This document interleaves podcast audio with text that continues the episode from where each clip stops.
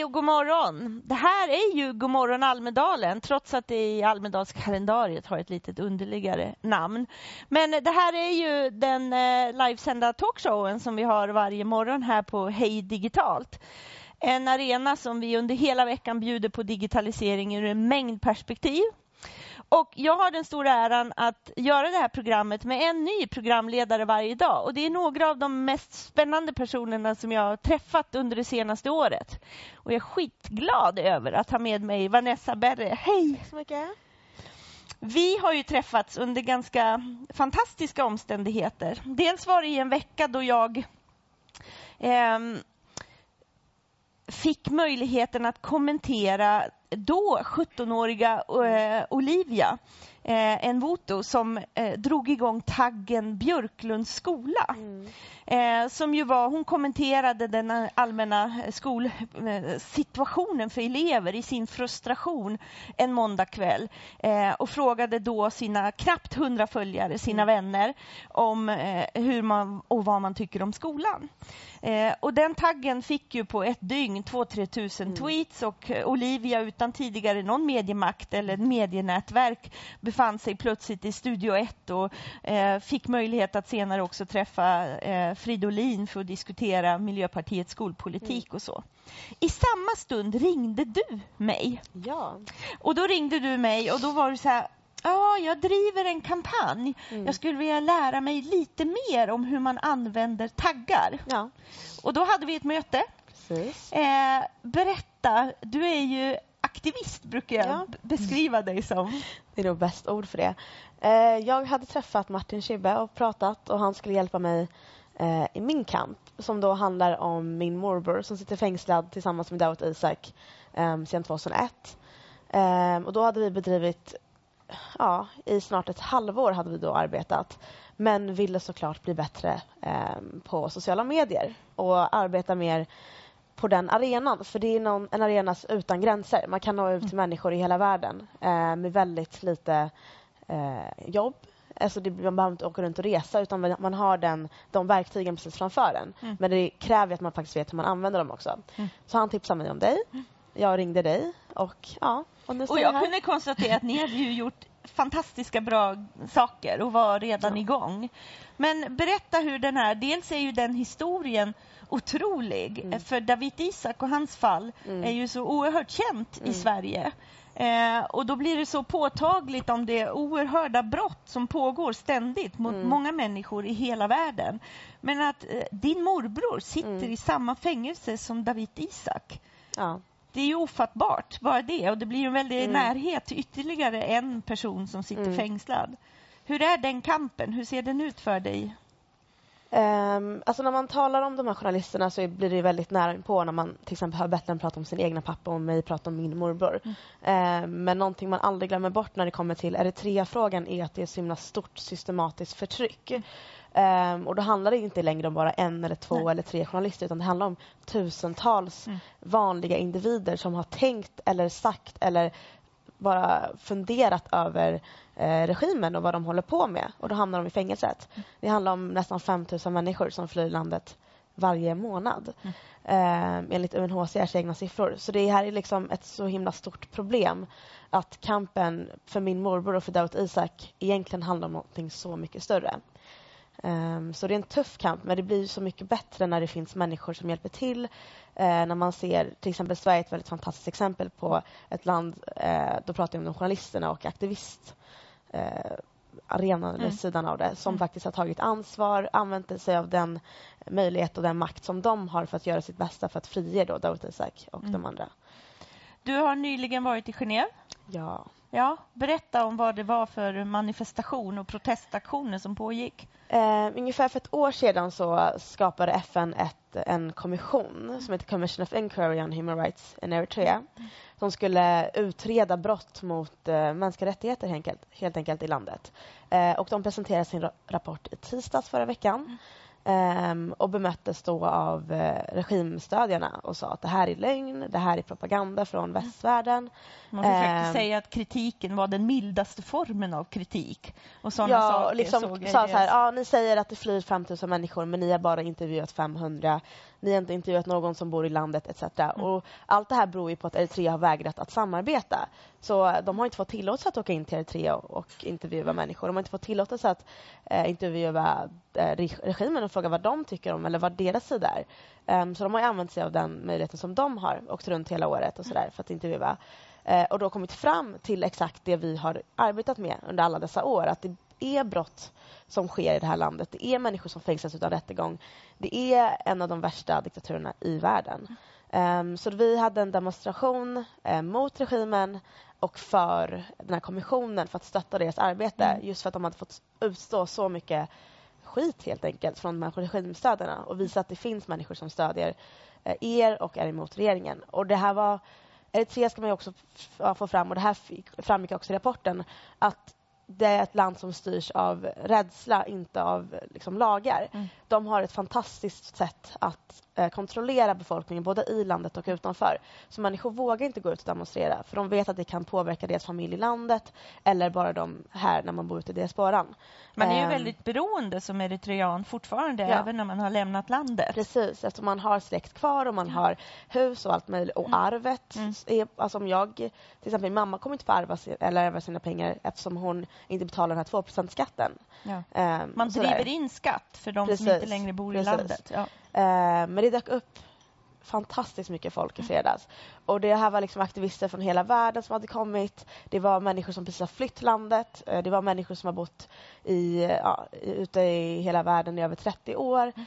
Men som för första gången faktiskt vågade komma ut och visa att vi har liksom fått nog helt enkelt. Mm. Och det var bland de bästa eh, dagarna för, jag tror alla där som var där den dagen. Då har du fått otrolig energi för ditt fortsatta arbete. Ja det var helt, alltså det var ju, när man kämpar så kämpar man ju oftast, du vet ju själv hur det är när vi mm. har manifestationer här i, eller i Stockholm. Mm. Det kommer inte så mycket folk och det är för att man vågar inte. Uh, men nu har det bara gått för långt. Jag säger det igen, 5000 människor som flyr varje månad. Det är inte hållbart i framtiden och därför så tror jag man, många också har fått nog. Men ni är ju modiga och din mamma, är hon orolig eh, över att driva kampen så här hårt mo eh, mot regimen? Alltså hon tycker inte att vi har någonting att förlora. Eh, man kan ju prata om det att alltså gynnar det egentligen Dawit Isaak, eh, min morbror och de andra att tala om dem, att mm. skriva om dem, att mm. fortsätta skrika på regimen. Eh, och då kan man ju se så här, det har man ju gjort för Dawit Isaak ett tag. Mm. Han är fortfarande inte fri. Men det hade man inte heller gjort för min morbror och han är fortfarande inte heller fri. Um, och därför tror jag att det är bättre att försöka uh, än att vara tyst och tänka att det kanske hjälper. För nu har de tydligen inte lyssnat på när man uh, är tysta. Heller. Och jag, jag, tror att det är väldigt viktigt att se att vår yttrandefrihet är också deras. Det är liksom det enda vi kan mm. göra och driva på. Mm.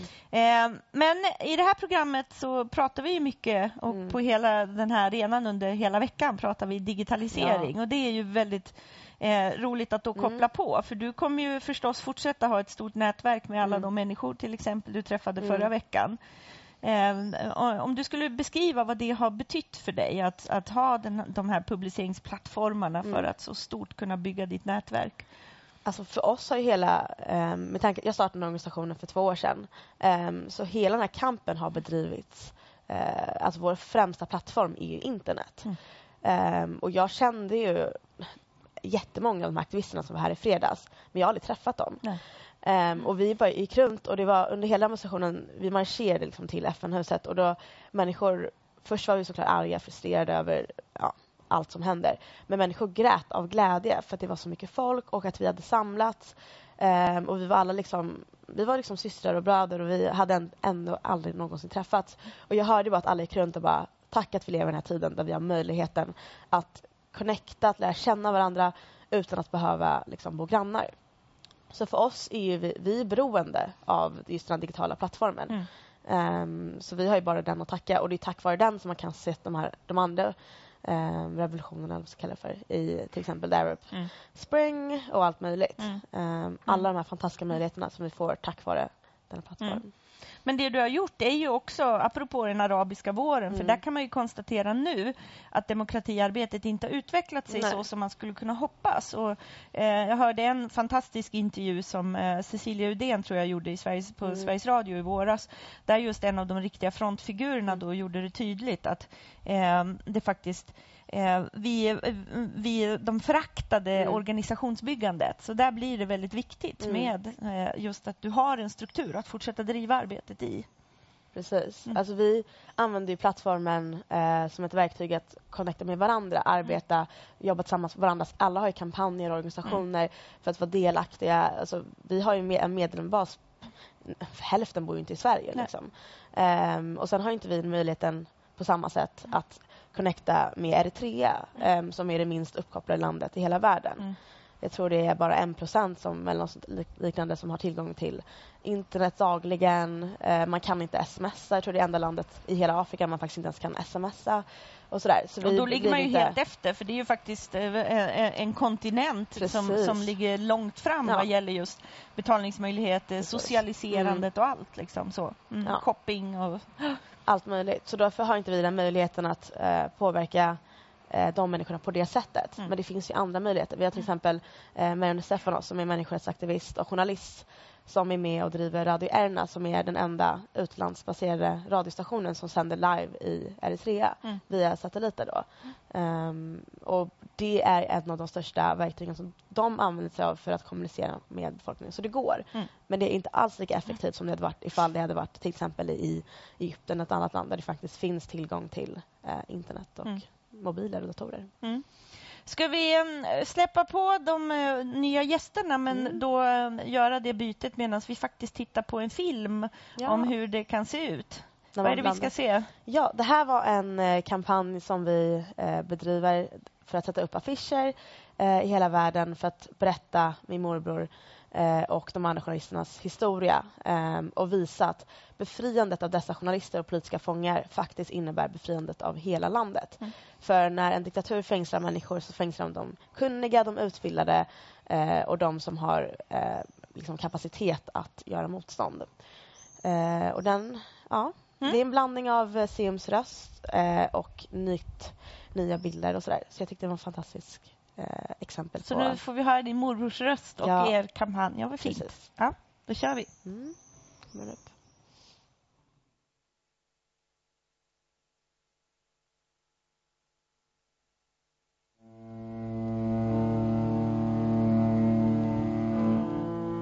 What do you wish for the future? Me personally? Yes. I wish I live with, with pictures and the pictures uh, satisfy our Eritrean audience. And uh, I wish with my pictures uh, I tell the life uh, and the struggle we waged, Eritrean people waged, see the foreign audience also in different countries of the world, so culturally, economically, politically, in every aspect. I want to just uh, make a communication between the Eritrean people and the people living in other countries so that they can be one people, they can help each other, and they can know each other very well if, if I can do that with my pictures.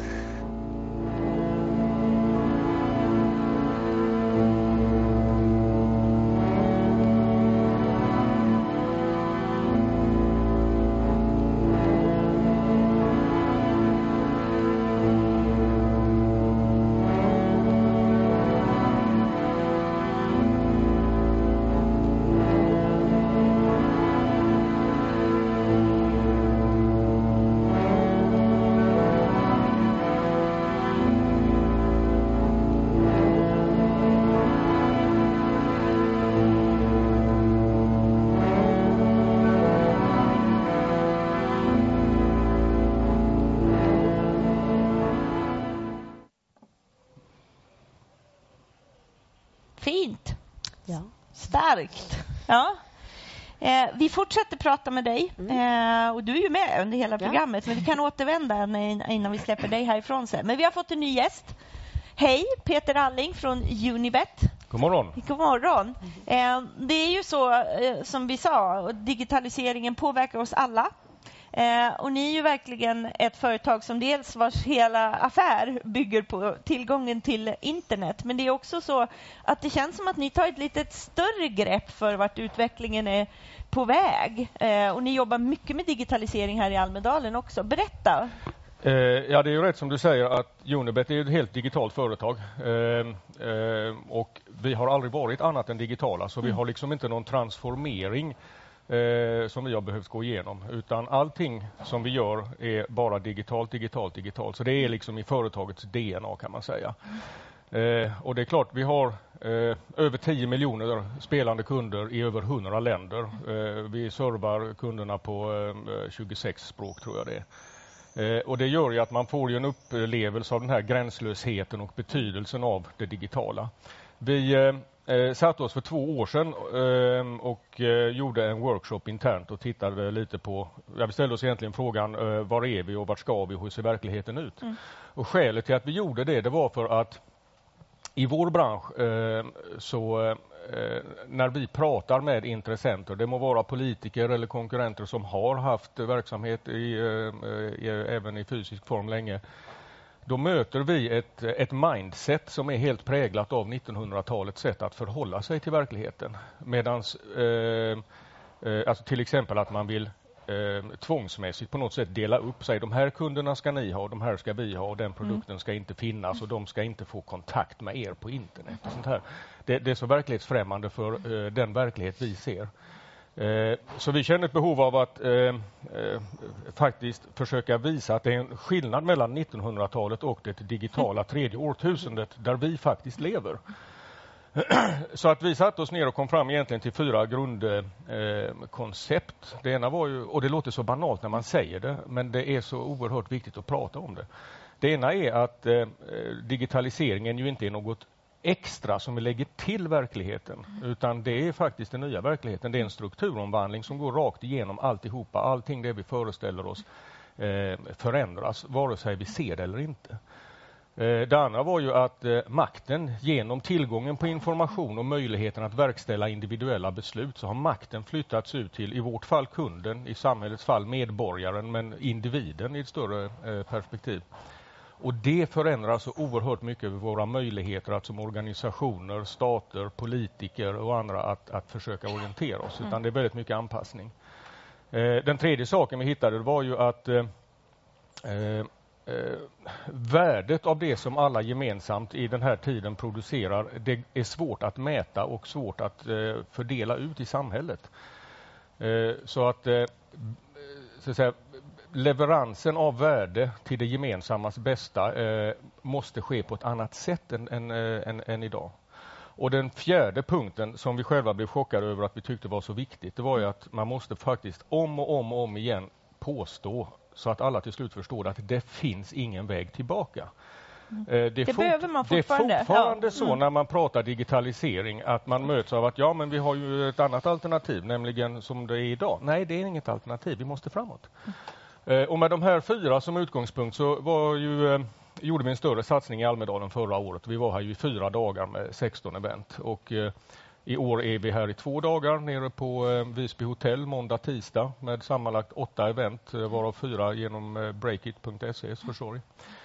vad vi har gjort i mellantiden, det var något väldigt intressant. Vi har haft runda bordsamtal under vintern här där vi har bjudit in människor ifrån eh, folkrörelserna, idrotten, före detta och aktiva politiker, telefonbolag, banker, managementkonsulter med mera. Och så har vi suttit i små grupper och diskuterat just de här fyra sakerna. Strukturomvandling, individens makt, bidraget till samhället och att det inte finns någon väg tillbaka. Eh, och De samtalen har varit oerhört intressanta. Vi gjorde det av två skäl. Det ena var ju för att testa, har vi verkligen tänkt rätt? Mm. Och det hade vi. Och Det andra var ju för att om vi nu är ett företag som har ett helt digitalt DNA och är ute i världen och samlar alla dessa erfarenheter, vi vill gärna dela med oss av detta. Eh, det var fantastiska samtal. När samtalsledaren sa efter två timmar att nu är det slut så, så blev alla väldigt besvikna för man ville ju fortsätta. Så vi fick ju faktiskt ha ett femte samtal också för att liksom samla upp det där. Eh, och nu är vi här igen och eh, eh, vill liksom bjuda på samtal där vi har tagit konkreta exempel som på något sätt kan hängas upp till de här fyra grundbultarna. Eh, när man ser sig runt om i Almedalen här så är det ju många som är här antingen för att kräva någonting eller för att sälja någonting. Eh, vi är här för att bjuda på ett samtal. Mm. Eh, och eh, eh, vi har en fantastisk mix av människor med olika bakgrunder, lite grann som de här runda bordsamtalen vi har haft. Och sen så hoppas vi att folk ska liksom få upp ögonen för att vi faktiskt befinner oss i det tredje årtusendet och vi kan inte prata med 1900-talets kontext längre. Mm. Och det är ju att, att ni får driva den frågan när ni liksom på något sätt startar i ett läge där det digitala DNA finns med. Det är ju, är ju oerhört intressant. Men det, det är ju bra att ni, ni vill driva den diskussionen. Vad fick ni med er från de här runda bordsamtalen? Det var väl egentligen eh, eh, ja, några saker som vi eh, eh, eller ja, det var så oerhört mycket egentligen, men om man ska nämna någonting så var det väl att arbetsmarknaden ser faktiskt väldigt annorlunda ut eh, om, om, bara några år.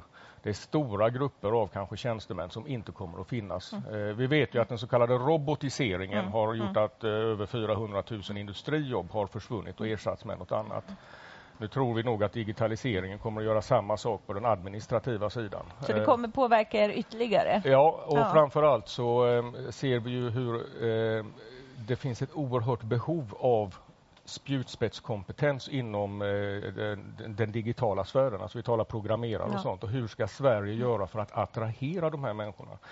Eh, många event i Almedalen handlar ju just om eh, entreprenörskap, innovation, eh, digitalisering, arbetsmarknad och den frågan är oerhört viktig. Hur får vi hit de absolut bästa?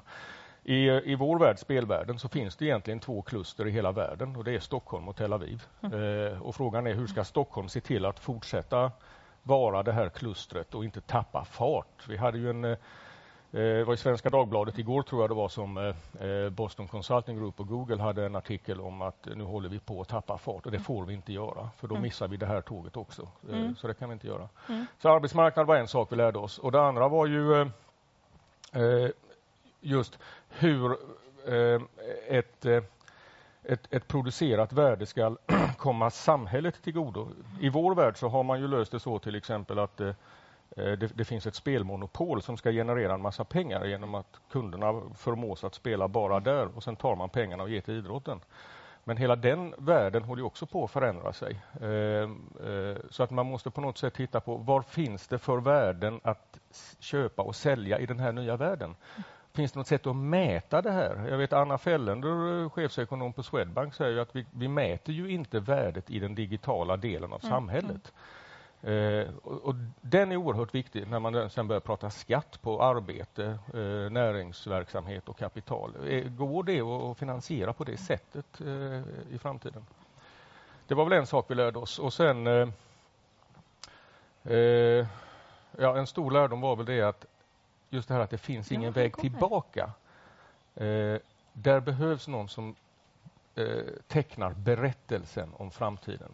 Eh, så man förstår vad, eh, vad är det för framtid som vi egentligen redan lever i. Eh, den behövs. Och sen så var det ju frågan om också, det är en ren demokratifråga. Mm. Eh, vi hade en eh, deltagare i de här samtalen som sa att det absolut viktigaste det är ju att eh, ungdomarna i eh, Malmös förstäder får ett gratis simkort. För de kan inte ta reda på när bussen går in till Värnhemstorget i Malmö utan en, eh, en smartphone. Och då kan de inte delta i sociala aktiviteter. De blir exkluderade direkt. Så det är en demokratifråga också. Alla måste med. Mm. Mm. Men jag tänkte eh, vi ska släppa in eh, vår eh, andra gäst här och det är Jan Gulliksen från Digitaliseringskommissionen som mm. verkligen har koll på den här övergripande bilden och dessutom en uppgift att fullfölja en del av de eh, eh, målen som sattes upp för den digitala agendan. Välkommen! Tack så mycket. Ja, jag tänkte bara, vi släpper in Vanessa här. När du har hört här Unibet prata om företag som har digitalt DNA. Eh, mm. hur ser du, du är nybakad student. Mm. Eh, hur tror du eh, ditt val av arbetsgivare kommer se ut? Vad har du, vad har du märkt något av den här skillnaden på hur mycket man ja, det digitala är naturligt? Och kommer det vara viktigt för dig i ditt, i ditt val av arbetsgivare? Alltså jag tror ju att eh, det digitala, som du säger, ditt företag har det ju varit från början, men jag tror att i alla företag så börjar det bli en större och större del av eh, kravet. Alltså mm. man ska kunna eh, hantera en dator. Man ska kunna, jag har läst lite gamla så här, jobbannonser och då står det ska kunna hantera Word. Mm. Och det är någonting som är ganska självklart um, nu. Mm. Um, så jag tror absolut att så det alla blir de här mer... programmeringskompetenserna kommer efterfrågas och Ja, så. Men och har jag- du känt dig stressad för det då? Ja, det är precis det jag tänkte komma in på. Att jag är en SAM-elev, har alltid varit en SAM-elev, kommer alltid vara en SAM-elev. Men helt plötsligt har jag velat lära mig programmera. Och det kopplas inte allting till någonting jag håller på med. Men jag har märkt hur det krävs, inte bara i mitt arbete um, med OneDCUM-organisationen, men i allmänhet. Att kunna hantera en hemsida eller att kunna bygga upp en app eller något liknande. Ehm, det blir en större del, av hela samhället Ja. och då ställs det också mycket eh, hårdare krav på oss individer att bli en del av det här nya samhället. Och som du säger också, det är en demokratifråga. Alla har inte möjligheten att ta en programmeringskurs. Liksom. Ehm, och där finns det internet att lära sig från. Jag är med i en kurs på Khan Academy som är ett fantastiskt, eh, Mm. heter det, En av de öppna plattformarna Ja, för utbildning. och utbildning så, ja. och lärdom och allt möjligt. Och där kan man lära sig vad som helst. Och nu har de en programmeringskurs också för alla intresserade som jag är med på. Ja, Så det, är, ja, så det är någonting tror jag som eh, krävs och ja, man alla borde hoppa på tycker jag. Mm. Jan, berätta. Det här, de, de här eh, utvecklingstendenserna ser du ju. Ja, absolut. Eh, Jag menar, eh, som vi sa i vårt senaste delbetänkande i Digitaliseringskommissionen så är det här med digital kompetens. Det är en av de sakerna som vi håller som absolut viktigaste strategiska frågor nu och, och även för framtiden. här. Att hur ska vi se till så att alla, unga som gamla, känner sig tillräckligt digitalt kompetenta för att kunna vara delaktiga och använda sig av alla de tjänster som finns och behövs. Så det är kul att höra din beskrivning av situationen. Därför jag delar verkligen jag delar verkligen den här tanken att det är inte bara eh, dataloger som kommer att behöva programmera i framtiden utan det kommer alla att eh, göra. I framtiden tror jag inte ens en gång vi kommer prata om det som programmering Nej. utan det är bara någonting som vi alla kommer att göra och har redan börjat göra lite grann. Men eh, ska vi berätta? Eh, den digitala agendan togs fram av den förra regeringen. Precis. Eh, en hel del av de målen som fanns i den landade hos Digitaliseringskommissionen att följa lite närmare. Absolut. Jag menar, vi ska ju hjälpa regeringen och, och uppnå målen om att Sverige ska vara bäst i världen på att utnyttja digitaliseringens möjligheter. Och, eh, ganska tidigt i vårt uppdrag så ser vi ju det att väldigt många av de åtgärderna som står omnämnda i den digitala agendan faktiskt är genomförda och kan bockas av i de sammanhangen. Och vi har ju också hört Mehmet Kaplan nu tydligt signalera att vi är på väg emot en ny eh, digital agenda av någon form här som, som eh, kommer att ange tonen för det kommande arbetet vidare. Så det är väldigt kul här att få, vi har ju ett halvår på oss nu fram till sista december om att slutföra vårt jobb och leverera vårt slutbetänkande i Digitaliseringskommissionen och se till att förbereda vem, vem det nu än är och vilken eh, konstellation som tar över eh, stafettpinnen efter oss. Mm. Och idag släpps en, en delrapport. Ja, precis. Ja. Jag får, får säkert inte visa den än. Men Jag tog med oh. den bara som liksom en teaser. Sådär.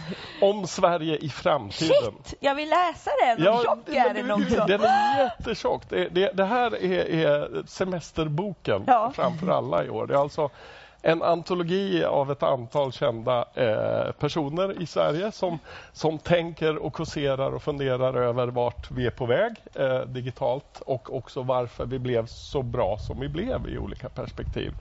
Så den här kommer vi då lansera klockan fyra idag i ett seminarium nere på Gotlands museum. Och två av eh, författarna, en som du nämnde tidigare, Anna Felländer och Anders Ekholm, kommer vara med och berätta om de bidrag som de har skrivit i de här sammanhangen. Så det här är en riktigt viktig tankebok inför framtiden och så att säga vår, vår vad ska man säga, språngbrädan emot vårt slutbetänkande senare i år. Då. En del av vår omvärldsbevakning. Ja. Himla roligt och väldigt bra. Det är viktigt och det är, det är på något sätt ett helhetsperspektiv på lite av det ni som företag eh, har funderat över också. Ja, och det, det jag tycker låter så intressant det är ju det att det är en tankebok. Mm.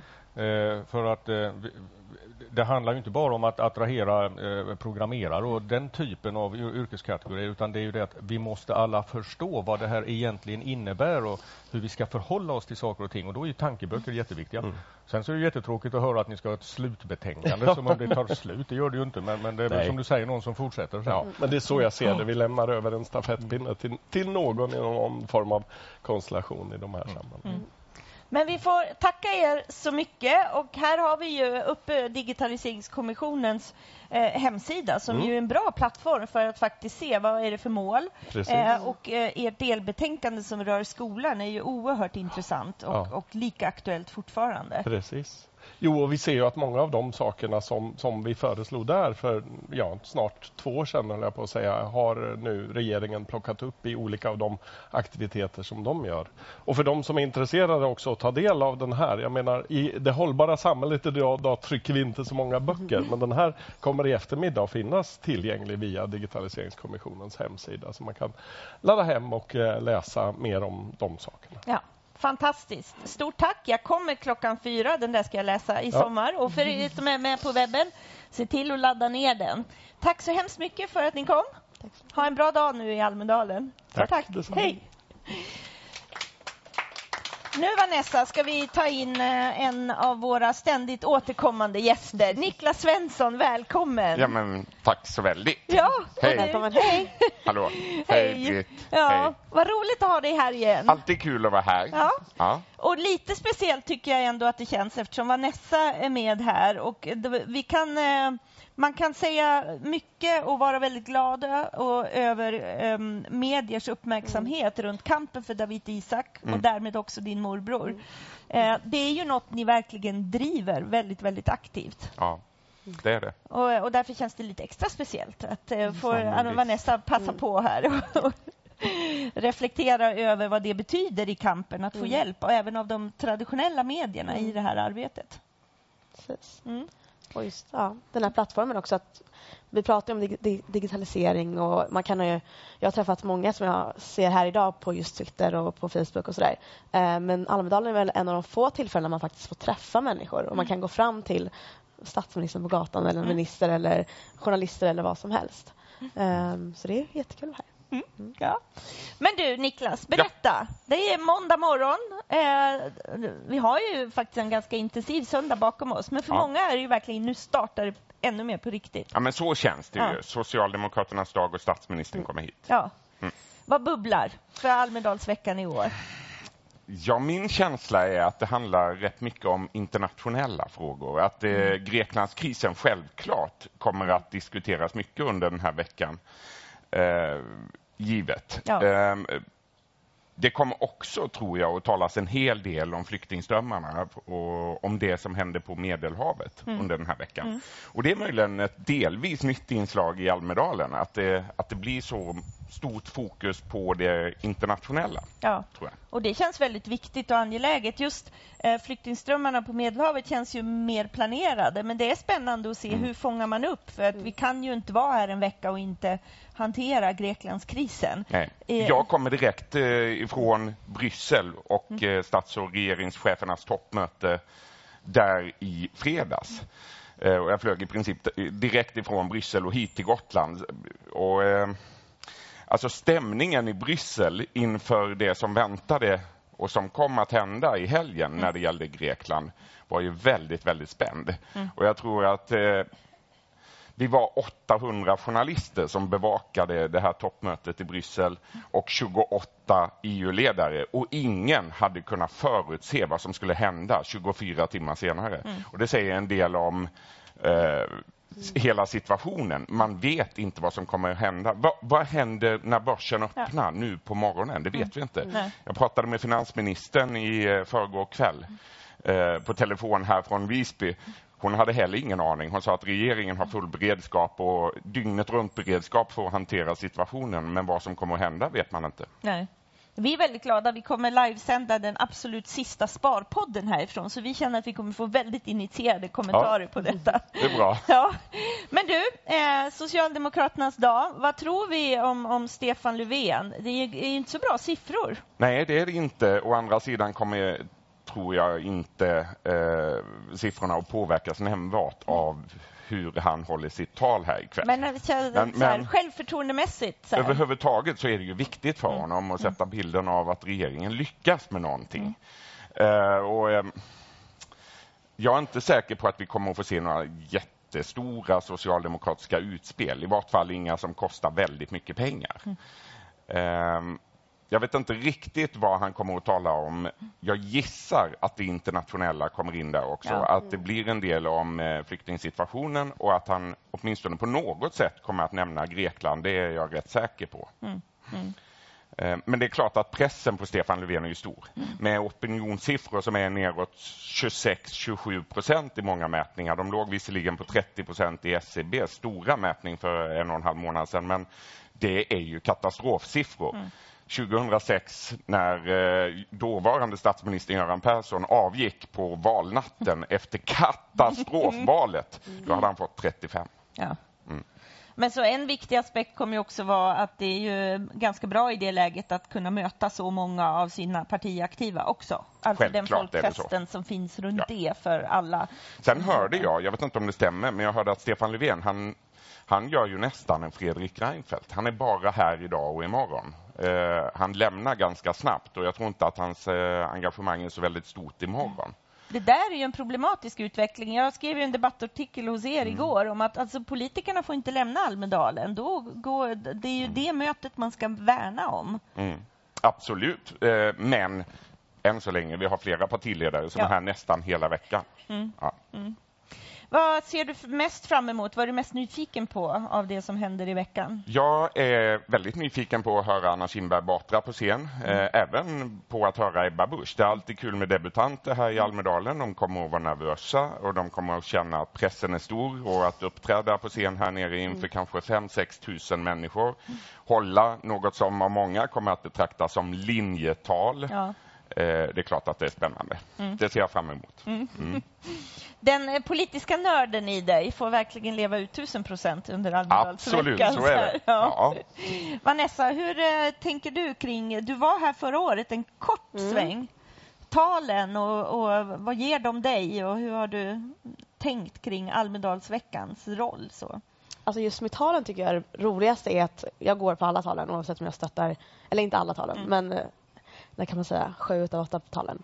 Ehm, men och då är det så kul att se publikens reaktioner. Och de flesta är anhängare till just det partiet. Vad klappar man till, vad klappar man inte till?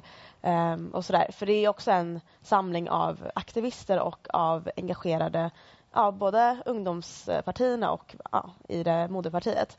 Ehm, så det är kul att se reaktioner från folket. Ehm, men det bästa tycker jag är att träffa människorna. Uh, så mycket engagerade människor ehm, som man träffar på seminarium, på mötesplatser och mingel och allt möjligt. Ehm, som är en ganska unik mötesplats. tycker jag. Hur ser det ut för Expressen vid sidan av att bevaka alla de eh, politiska, eh, eventuella utspelen men också det, det politiska eh, arbetet som sker här? Vad, hur bevakar ni de, de övriga opinionsaktörerna och så? Ja, men vi bevakar ju dem. Vi har ju den här tidningen. Så att det, och det är många sidor varje dag som ska fyllas. Det är mingel och det är fester och det är också en hel del seminarier som bevakas. Vi är ju ett jättegäng på plats här i år. Jag tror vi är fler än någonsin. Och det är viktigt, tycker jag, att vi bevakar mer än bara politiken. För Almedalen är så väldigt mycket mer. Och, eh, att, eh, att leta och sålla och fokusera på något i de här väldigt, väldigt digra programmen under de här dagarna, det är viktigt. Och det gör vi. Eh, sen kan man väl säga då om Expressens satsning och det jag gör här i Almedalen att det ser ungefär ut som det brukar göra. Jag håller ju i en väldig massa utfrågningar i vår valstuga. De sätter igång nu idag klockan 10. Det är ministrar och partiledare och det, ja, det ser ganska mycket ut som det brukar. Så vilka är det du eh, träffar idag? Jag har, ja du, jag alltså har någon inte... som du vill sån. Eh, Annika Strandhäll, socialförsäkringsministern. Hon är min första Ja. Mm. gäst idag. Hon kommer klockan 10. Hon toppar min lista idag. För att eh, kollegor, före detta kollegor och eventuellt framtida blivande kollegor hyllar henne på alla sätt. Jag har inte hört ett ont ord hittills om Annika Strandhäll. Eh, det tycker jag är rätt spännande. En, en ny minister som som hyllas av alla, till och med av en del av sina motståndare. Jag hade Björn Rosengren, eh, tidigare näringsministern, med i mitt program igår kväll. Eh, han har sagt att Annika Strandhäll är den ministern som har klarat sig bäst hittills. Jag tycker det är spännande. Det ska Det bli bra. kul att möta henne här nere. Mm. Sen en sak till jag ska lägga till eh, eftersom du står här. att Mm.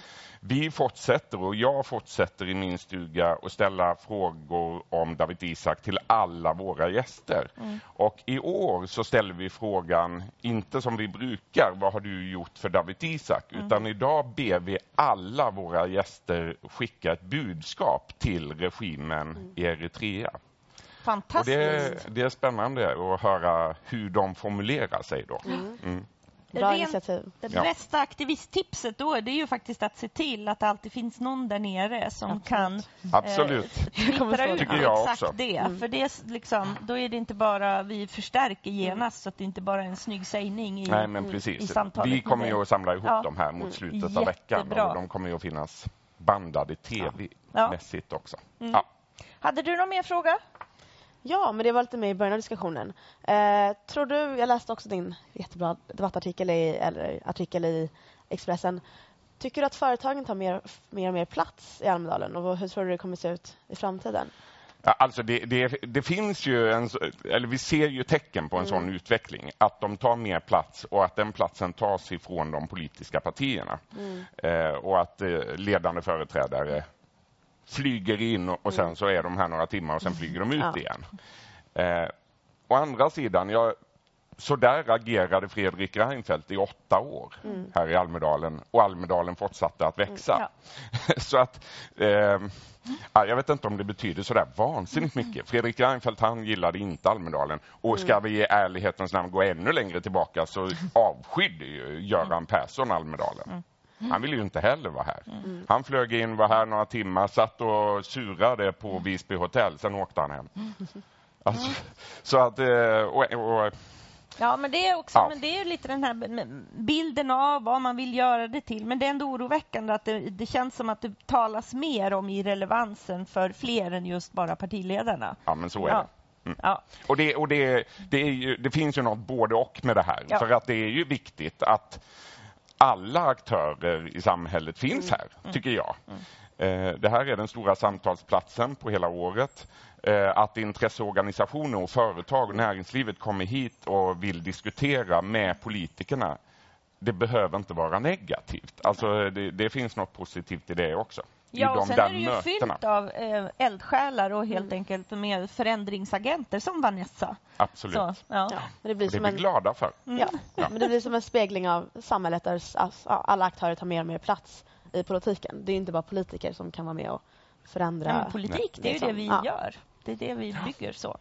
Men du Niklas, stort tack och vi ser dig ju på lördag igen. Då är jag tillbaka. Åtta. Om Då är jag du står här. på benen. Ja, Ja. och då vet vi lite mer om hur den här veckan utvecklar sig. Ja, Stort vi. tack för att du kom. Tack så jättemycket. så väldigt och lycka till. Ja. Ni också, ni får vara. Ja, tack så mycket. Hej.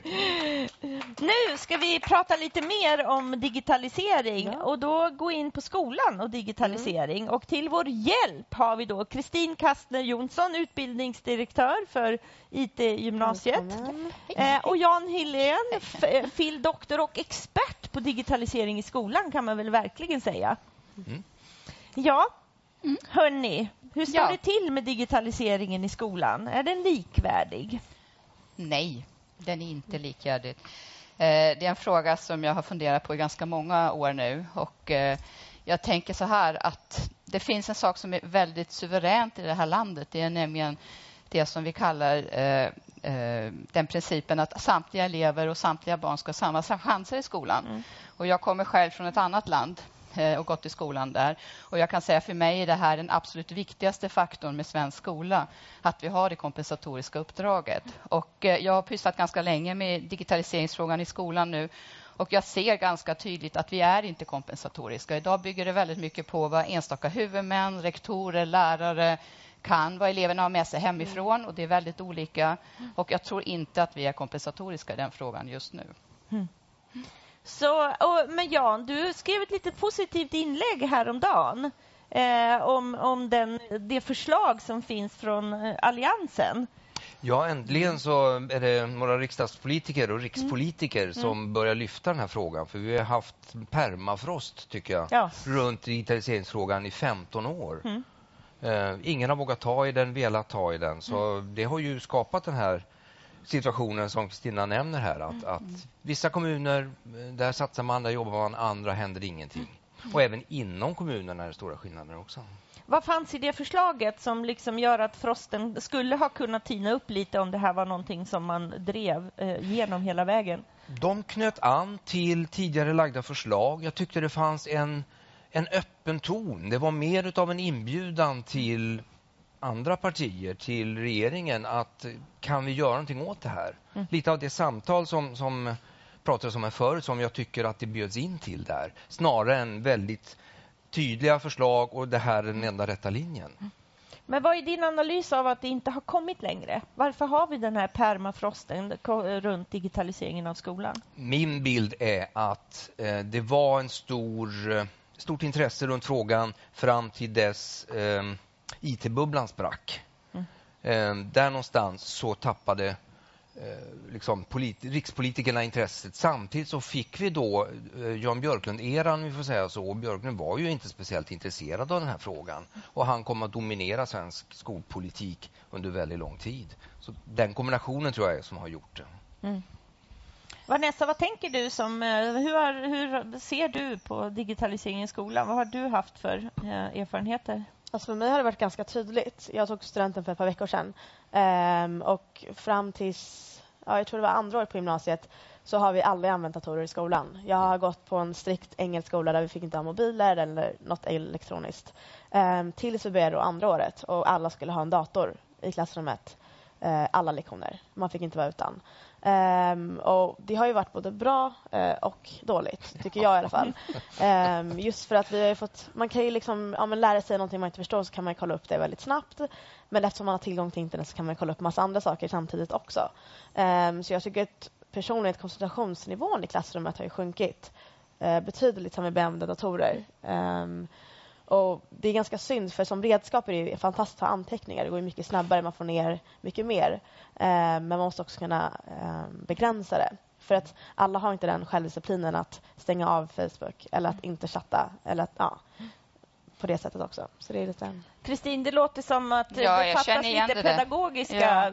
sätt att alltså, använda. Tänker, det, det, du beskriver där är ju väldigt sant, så att mm. säga, men det handlar ju väldigt mycket om en osäkerhet i lärarkåren och också bland rektorerna. Mm. Idag tar ju, tas ju inte digitaliseringsfrågorna upp igen varken på, egentligen på rektorsutbildningen eller lärarutbildningen. Så jag tror det här du beskriver handlar ju om pedagogiskt mm. ledarskap i klassrummet, att man måste kunna hantera den situationen. Självklart är det ju så att man går till skolan för att lära sig mm. någonting och det här ska vara ett redskap. Men, men sen är det ju också ett, jag funderar lite på det är också ett uttryck för varför har man så lätt att försvinna ur en lektion in mm. i internet och så vidare. Det handlar ju också om hur man kan fånga eleverna. Precis. Så självklart är det ju så att för lärarna är en enorm utmaning idag. Mm. Liksom. Att det, och det här är ingenting vi kan blunda för. Jag menar, du säger permafrosten, är ju, vi är ju där, ni är mm. där. Liksom. Det, det, skolan hänger inte riktigt med.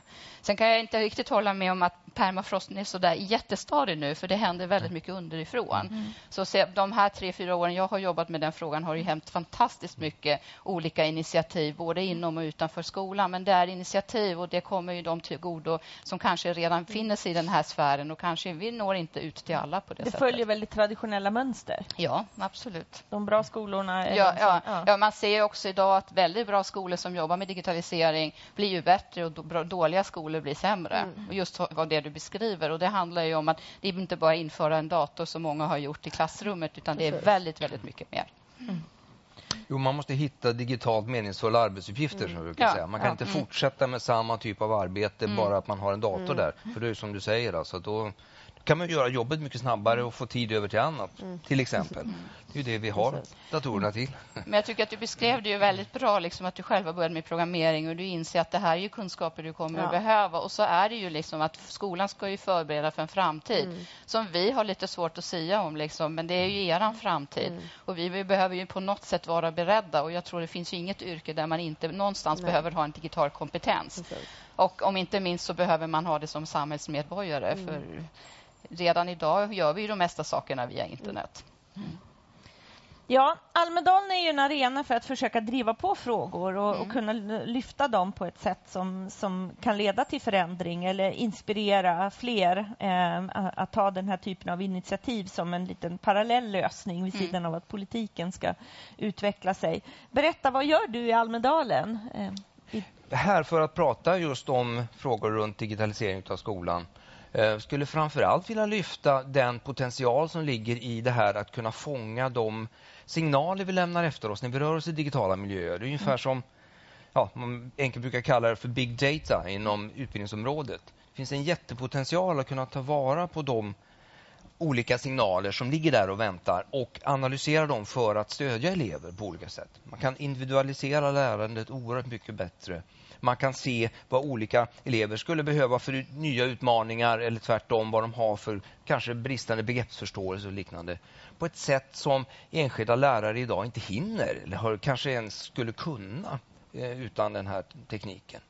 Spännande. Jag kan nästan höra hur motståndsdiskussionen går runt, en, runt sånt också. Absolut, det finns, det finns eh, faror med detta också. Det gör det ju förstås. Både integritetsfrågor och även om man börjar försöka göra, vilket jag tror man ska, men göra såna här eh, eh, ja, förutsägelser att, att med det här underlaget så ser vi att du har 60% risk att missa nästa skrivning. Eh, Vi vill göra de här insatserna och så vidare. Här finns eh, faror, gör det, men det finns en enorm potential också. Det är som inom sjukvården. Ja. Men det låter som någonting väldigt precis det man behöver att visa på i vilket, på vilket positivt sätt det kan användas och att lämna, för det är fortfarande det är så mycket diskussion om någon slags luddig kompetensutveckling och hårdvaran mer än att gå in så här. Eh, Jag tror vi behöver bli mycket mer precisa när vi pratar om de här frågorna i skolan. Hittills har det varit, är det bra med IT eller inte? Det är ungefär som att fråga, Ja. är det bra med piller mot sjukdom? Liksom, det blir väldigt vagt. Vi måste vara oerhört mycket mer precisa. Vad är det vi är ute efter? Vad är det vi tror vi ska uppnå? Och Gör vi det eller inte? Ja, men passa på. Var är du idag så att eh, eh, eh, de som är här i publiken och även eh, lyssnarna får en chans att faktiskt välja just det du medverkar i? Ja, klockan halv elva är jag på ett seminarium som PricewaterhouseCoopers arrangerar. Eh, och sen lite senare på eftermiddagen så är vi någonstans där du är med, men jag vet inte exakt var vi är någonstans. Ja. Men det ska vi se till att lägga ut Ja. och eh, det är ju på Hästgatan som det första seminariet är. Ja. Jag tänkte, snabb fråga. Ja. Hur bemöter ni kritiker eller lite skeptiker? De är lite mer traditionella eh, lärarna som inte gillar det här att man går från papper till dator. Jag har själv flera sådana lärare. Ehm, har ni någon studie på det eller är det mer att man vill experimentera? Nu måste jag i ärlighetens namn säga jag har inte sådana lärare eftersom jag är utbildningsdirektör för IT-gymnasierna och NTI-gymnasierna. Och där går det liksom på automatik ingår i deras arbetsuppdrag att de ska kunna han- hantera datorer. Men eh, ett tips är ju att alltså, förändringen sker ju i kollegiet, i det kollag- kollegiala lärandet. Så det man behöver göra är att ta fram de lysande stjärnorna på skolorna och långsamt förändringsarbete. Förändring tar tid. Det är läskigt att göra saker på ett annat sätt om man har gjort saker länge. Men det finns ju väldigt många exempel på äldre lärare som har verkligen tagit till sig digitalisering och uppnått suveränt bra resultat. Så det är tålamod och kollegialt lärande. Jag tror inte det är någonting man kan bara sätta uppifrån utan jag tror att det här måste ske i kollegiet faktiskt. Ja. Men som sagt, jag, jag har inte riktigt det problemet om jag ska vara Det har ärlig. vi haft. Ja, ja. Nej, men Jag håller helt med. Det finns många studier som visar på att du kan absolut få väldigt goda resultat, höjda resultat och så vidare. Men det handlar, precis som Kristina säger, om mycket mer än bara ställa in burkar på, Ja. på bänkarna. Va? Utan man måste förändra arbetssätt och arbetsformer. Det tar tid. Vi ska avsluta med att Kristin, jag tror du är väl runt och det är ju väldigt mycket seminarier på Ja. temat. Jag fokuserar ju framför allt på frågan om digitalisering i skolan men jag fokuserar också på andra skolfrågor helt enkelt för eh, jag jobbar intensivt med att lyfta resultat. Att jag tror att vi gemensamt i skolan i Sverige har ett enormt eh, viktigt uppdrag. Och jag letar efter goda exempel hur man, eh, hur man liksom löser olika problem. En, en sak som jag kommer fokusera på är kanske hemmasittare. För det är ett stort problem för svensk skola och eh, vi behöver hitta de goda exemplen för att förstå hur vi ska jobba. Då. Så det är inte bara digitalisering utan det är skolfrågor i stort. Då. Mm. Men vi ser dig här eh, klockan Ja. ett idag när Ja. vi ska dyka ner ännu mer om just digitalisering. Ja, eh, vi ska ju tillsammans med er, Academedia ska Mm. tillsammans med er hålla ett seminarium som heter IT i skolan, den nya klassfrågan som just berör det som jag inledde med då. Mm. Där vi har med oss eh, några väldigt intressanta talare Mm. som ska diskutera detta. Olle Samuelsson som är forskare från Jönköpings högskola som har skrivit en avhandling i temat och sen Per Kornhall och Thomas Bodin som är vice ordförande från LO. Mm. Så det blir spännande. Då får vi alla olika aspekter liksom på den frågan. Ja. Mm.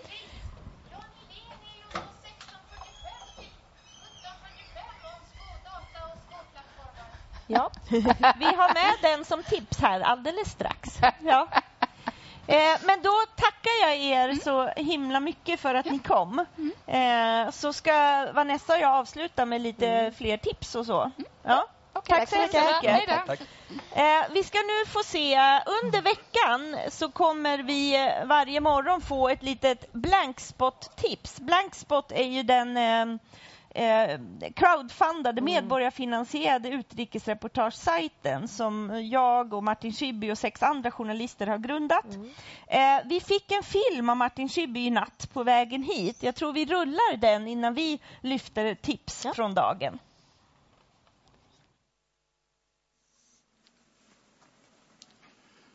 Klockan är strax efter midnatt i Farsta strand och jag sitter och viker såna här cardboards inför eh, kvällens event som vi i Blankspot Project arrangerar hos Hej Digitalt i Almedalen. Vi kommer att kunna ta med er till norra Kachinstaten i Burma tack vare de här glasögonen och tack vare den 360-teknik som Martin Edström och Carina Jemsby har jobbat med i ett Blankspot Project-projekt. Jag reser imorgon till Almedalen för att eh, medverka i det, men också för att spana på vilka är Almedalens vita fläckar? Vilka är de minst besökta seminarierna? Vilka är de röster som inte lyfts fram i Almedalen? Och vilka tåg är det som döljs av, av de stora tågen? Och vad händer med alla världshändelser som utspelar sig runt om vår jord nu när allt fokus och allt strålkastarljus är riktat på några kvadratmeter kullersten i Visby? Vilka historier är det vi inte får höra under veckan? Det kommer jag att lyfta fram. Men nu ska jag fortsätta vika cardboards här i Farsta strand och i morgon bitti ta båten. På återseende. Ja, så eh, där fick vi lite blankspot-tips. Och klockan 20 ikväll så kommer vi här eh, få veta lite mer. Vad gjorde Blankspot-redaktionen med de 1,3 miljoner eh, som samlades in med hjälp av 2500 backare? Så det är väl ett av eh, mina personliga tips för, för dagen. Eh, din dag då, Vanessa? Du har valt ut ett guldkorn. Ja, det borde komma upp här. Vi har ju som sagt så ja, har jag gått i en samklass eh, men ändå har inte politik alltid varit det bästa samtalsämnet. Men om det är tre saker som har diskuterats flitigt så var det ju valresultatet i september, Mm. eh, decemberöverenskommelsen eh, och sen såklart Saudiavtalet. Mm. Och jag tror att Saudiavtalet var det eh, ämnet som diskuterades mest men människor visste minst om. Ehm, så mitt tips för idag till alla som är här ehm, är det här seminariet Declaration, Diplomacy, Dialogue How to promote business and human rights in the Middle East. Eh, som ett seminarium som är klockan ett. Det är en fantastisk panel. Det är det som har en av eh, eh, ja, det som har gjort att jag blev helt Ja, när jag såg det så bara, det här måste man ju gå på, det här Ja. måste alla gå på. Ja. Ehm, så det är liksom representanter från olika sektorer av den här frågan. Både journalister, aktivister, eh, ja, någon som representerar finanslivet och allt möjligt. Ehm, så jag tror man kan lära sig mer om vad detta faktiskt innebär och vad vi i Sverige och vad alla regeringar i världen faktiskt borde och kan göra i den här frågan. Så Biskopsgården klockan ett Precis. är ditt tips. Mm. Eh, vi från Hej Digitalt vill förstås highlighta några av eh, de fantastiska programpunkter som vi har under dagen. Eh, och då som jag redan nämnde tidigare så kommer vi ha Sparpodden live. Eh, kommer bli väldigt, väldigt spännande eh, att höra Jan Dinkelspiel och Günther Mårder bland annat kommentera eh, utvecklingen i Grekland. Eh, Det här ser vi jättemycket fram emot och det är ju faktiskt finalavsnittet. Det är också extra speciellt. Eh, sen klockan 12 är det en eh, diskussion som eh, jag leder och vi är väldigt stolta över att Anette Novak, medieutredaren, faktiskt kommer hit och berättar, eh, hoppas vi, vad man har gjort hittills men framförallt lite om uppdraget och en diskussion tillsammans med Google och SKL. Mm. Eh, och Det kan bli väldigt spännande. Medieutredningen tittar ju mycket på, eh, med fokus på eh, medborgarna, så det blir en, nog en väldigt spännande diskussion. Och sen klockan 16.45 eh, så är det eh, då vi möter Jan Hylén här igen. Mm. Eh, om man inte, man kan nog gå på båda tycker jag också. Gå på Hästgatan med PWC seminarium innan och hit kommer Jan Hylén för att diskutera just hur dold data kan utveckla skolan. Så det är väl eh, bra tips för dagen. Ja. Eh, och eh, Det har varit jättekul att ha dig här. Jag är så Tack. grymt stolt över det. Och lycka till med allt du gör. Fantastiskt. Tack och vi säger tack och hej till ja. tittarna och till er som har valt att komma hit så här tidigt på morgonen. Och vi ses ju imorgon bitti. Tack och hej.